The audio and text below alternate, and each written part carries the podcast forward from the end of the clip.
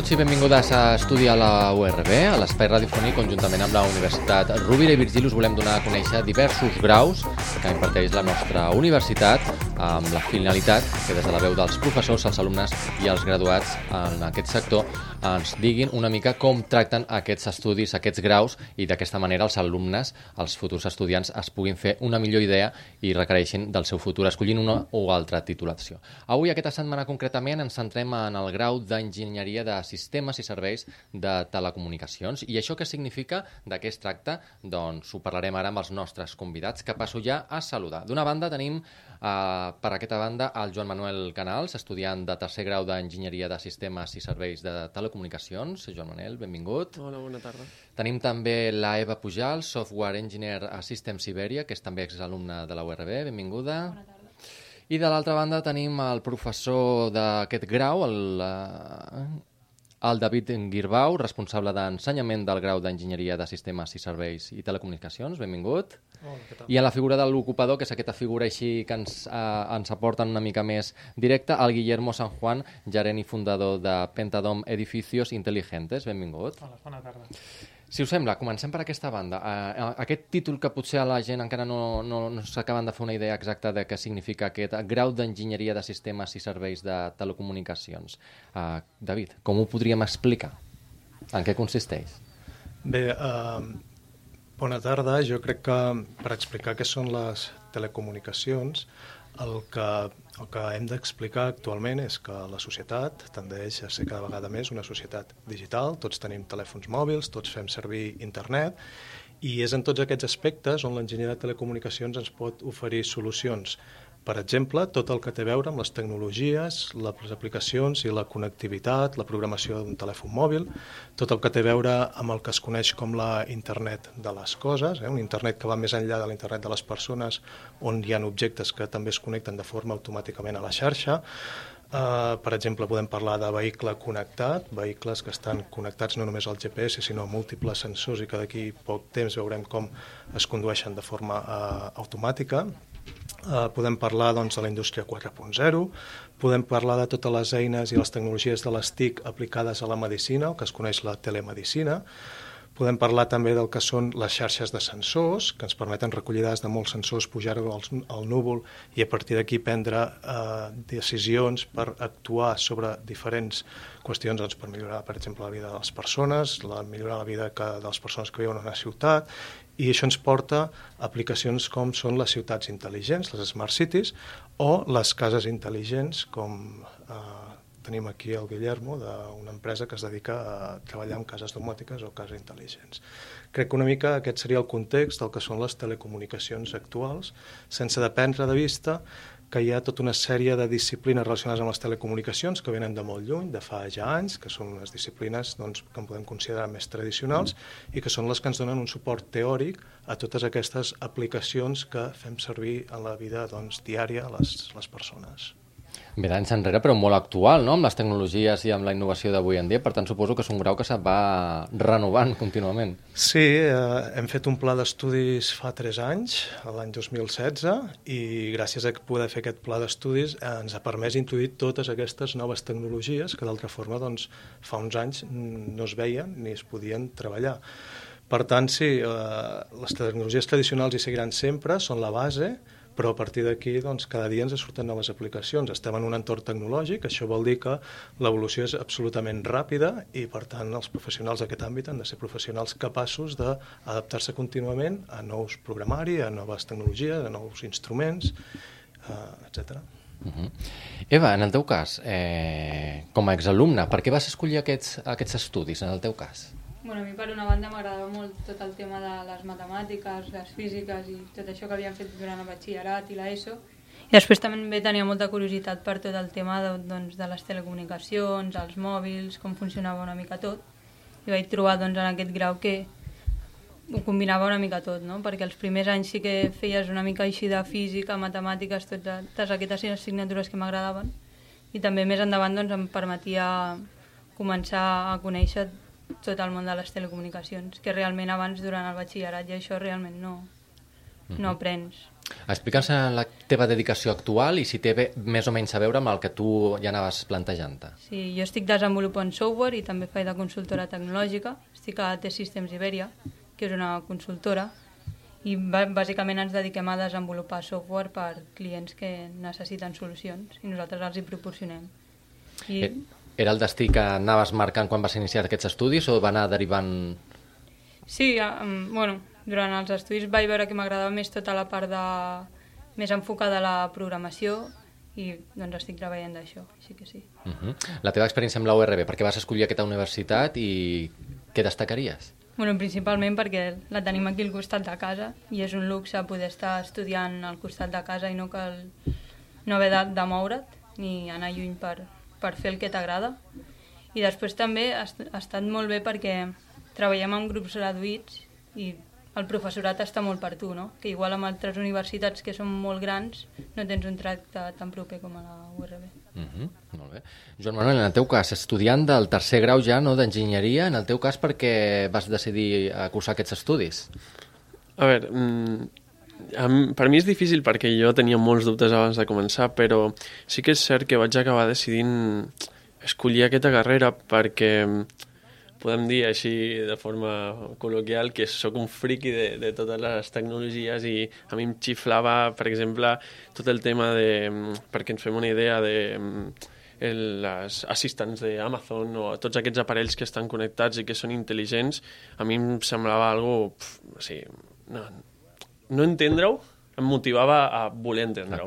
Llavors, aquest va ser un dels principals motius pels quals vaig escollir aquest grau, entre altres coses, és a dir, eh, aspectes com que es toqui software i hardware de, de forma conjunta, toquem aquestes dues branques, eh, va ser una forma de dir, escolta, no em destinaré només a, a aprendre software com altres enginyeries com la informàtica o, o hardware com, com electrònica, sinó que combinarem ambes branques i a partir d'allí, si vols especialitzar-te en alguna més, més específic, pues ja més endavant ho faria. Llavors m'aportava primer aquesta curiositat per aprendre aquestes coses que, que m'agraden i en segon lloc aquesta, aquest ventall de possibilitats que t'obre saber de les dues branques. Uh -huh.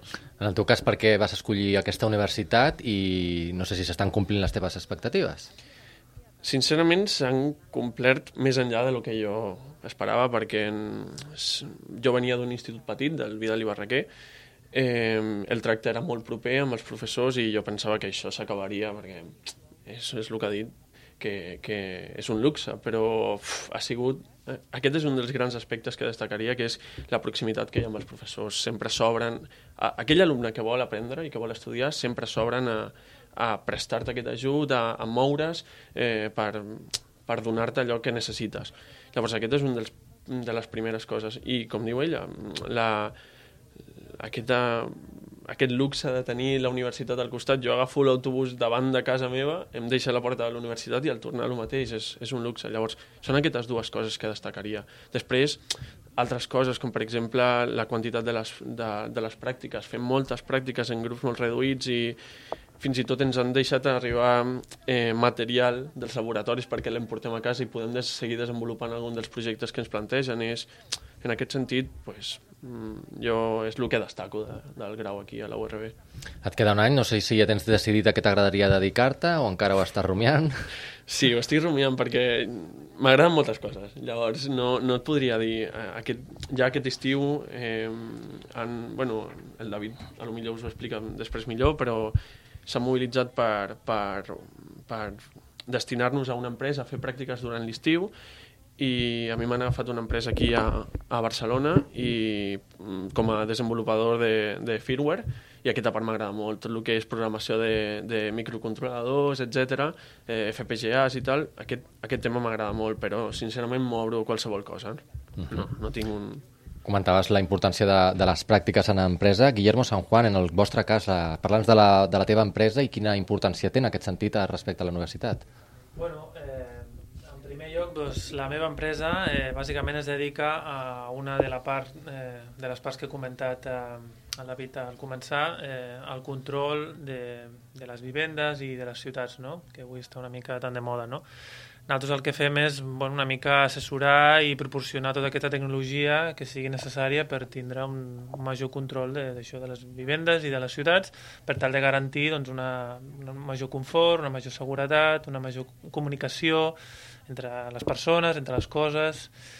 I llavors bé, a partir d'aquí doncs, eh, nosaltres eh, fem aquesta feina i, i i bàsicament nosaltres hem confiat en l'ORV perquè bueno, jo personalment, igual que els meus socis, eh, vam, vam estudiar aquesta carrera fa molts anys, de fet vam ser la primera promoció i bueno, sabem reconèixer que, que aquesta universitat ens va donar doncs, aquestes nocions per poder fundar aquesta empresa no? i amb sort doncs, tirar endavant i per això bueno, també volem confiar en els alumnes que avui dia estan sortint per, per ajudar-nos a seguir creixent i, i també a seguir a que ells creixin no? en el seu eh, desenvolupament com a, com a estudiants i després en el futur en el món laboral. Tu també ets exalumne, per tant, què destacaries en teu cas i per què vas escollir aquests estudis? Bueno, en el meu cas doncs, va ser una mica també la novetat, perquè al ser la primera promoció, doncs, eh, fins ara de carreres tècniques doncs, hi havia informàtica o electrònica i una miqueta doncs, eh, també em va cridar l'atenció aquesta doble opció no? de tocar doncs, la part de programació i també la part més, eh, diguem-ne, de hardware i tocar més, més, no? més, més material, no? Fer més pràctiques i bueno, això va ser una de les coses que també em va cridar l'atenció. Eh, aquestes dues coses al final eh, em van fer decidir per, per, per començar telemàtica o telecomunicacions en el seu moment. Uh -huh. David, quins serien els estudis previs que es necessiten per cursar aquest uh, grau i com està estructurat, perquè ens fem millor idea? A veure, aquest és un grau d'enginyeria, això vol dir que són 4 anys, 240 crèdits ECTS, i els alumnes que volen venir a estudiar aquest grau majoritàriament són alumnes que provenen de batxillerat, sobretot del batxillerat tecnològic, tecnològic no? tot i que també en tenim algun que no ve el batxillerat tecnològic i que no té problemes si està motivat per seguir els estudis. Ens ven gent també de cicles, des de cicles formatius en funció del cicle que han estudiat, els convalidaments de 39 i 51 crèdits, això vol dir que quasi, quasi els podem arribar a convalidar un any d'estudis però de cicles doncs, aproximadament ens venen un 15-20% dels estudiants. La majoria ens venen de batxillerat. Uh -huh. Quines sortides professionals ens podem... El ventall suposo que és molt ampli, però quines són potser les més destacades? A veure, el ventall, com hem anat comentant, és molt ampli. Uh, les telecomunicacions podríem dir que són frontissos, estan entremig, que seria tota la part de comunicacions, electrònica i informàtica, Llavors això fa que, que obris moltes portes, no? que el ventall sigui absolutament gran. Llavors, dir majoritàriament acabaran fent una cosa és molt difícil. Per exemple, ara tot el que és uh, enginyer de software, web developer o treballar amb sistemes embedded, FPGAs, etc etc. Uh, hi ha molta sortida. En aquest moment doncs, uh, és un, probablement cap on acaben bona part dels estudiants que, que finalitzen aquest grau, però no ens hem d'oblidar, perquè n'hi ha alguns que també acaben programant a, soft, a, perdona, mòbils, altres doncs, acaben amb consultories, uh, alguns doncs, uh, treballen en temes de, de Big Clinical Data, o sigui que els tenim escampats en moltíssims àmbits. És segurament un dels grans uh, trets característics d'aquest grau, no? que no et limites a tenir una sortida o que tinguis un mainstream dedicat cap a un lloc molt, molt concret, sinó que tens moltíssimes sortides. Tot el que són les TIC actualment estan penetrant en molts sectors. Hi ha molt poques empreses actualment que no necessitin enginyers TIC i no cal que siguin empreses de base tecnològica, poden ser empreses de qualsevol cosa que necessiten professionals en l'àmbit d'aquest les TIC. Llavors una mica donem sortida a tota aquesta demanda. Comentaven l'Eva i el Joan Manuel aquest tracte amb els professors. Vosaltres també aprecieu per part dels alumnes que tenen aquesta confiança en vosaltres, aquesta propania, aquesta, el deixar-se aconsellar, també?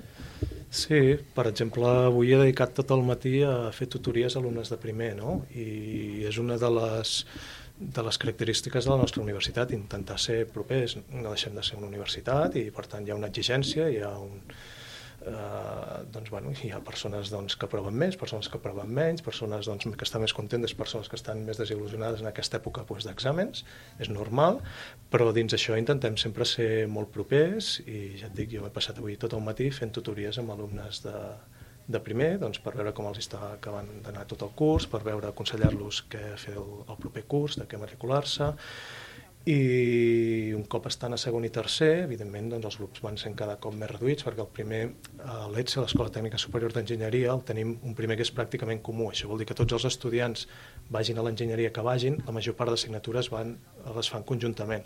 Això fa que siguin assignatures doncs, amb molts alumnes.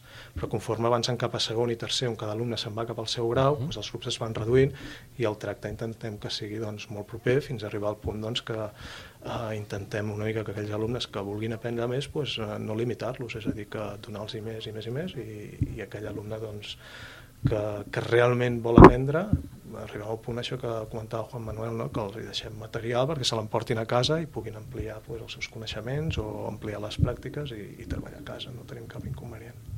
Guillermo, aquesta importància del tracte amb les empreses i els alumnes, eh, com, com ho podríem explicar? Suposo que és eh, tant un benefici com per al propi alumne com per a la pròpia empresa, no?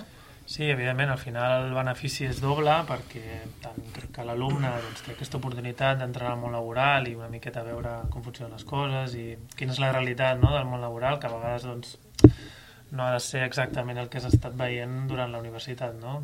Acabes fent pràctiques diferents o acabes veient bueno, coses diferents. No? Llavors nosaltres oferim aquesta possibilitat a canvi també doncs, que ells dediquin certes hores cap a l'empresa doncs, que també doncs, són, són bones perquè ens ajudin a, doncs, això, el que deia una miqueta, no? a poder créixer i, i, i que tots aprenguem d'aquesta experiència.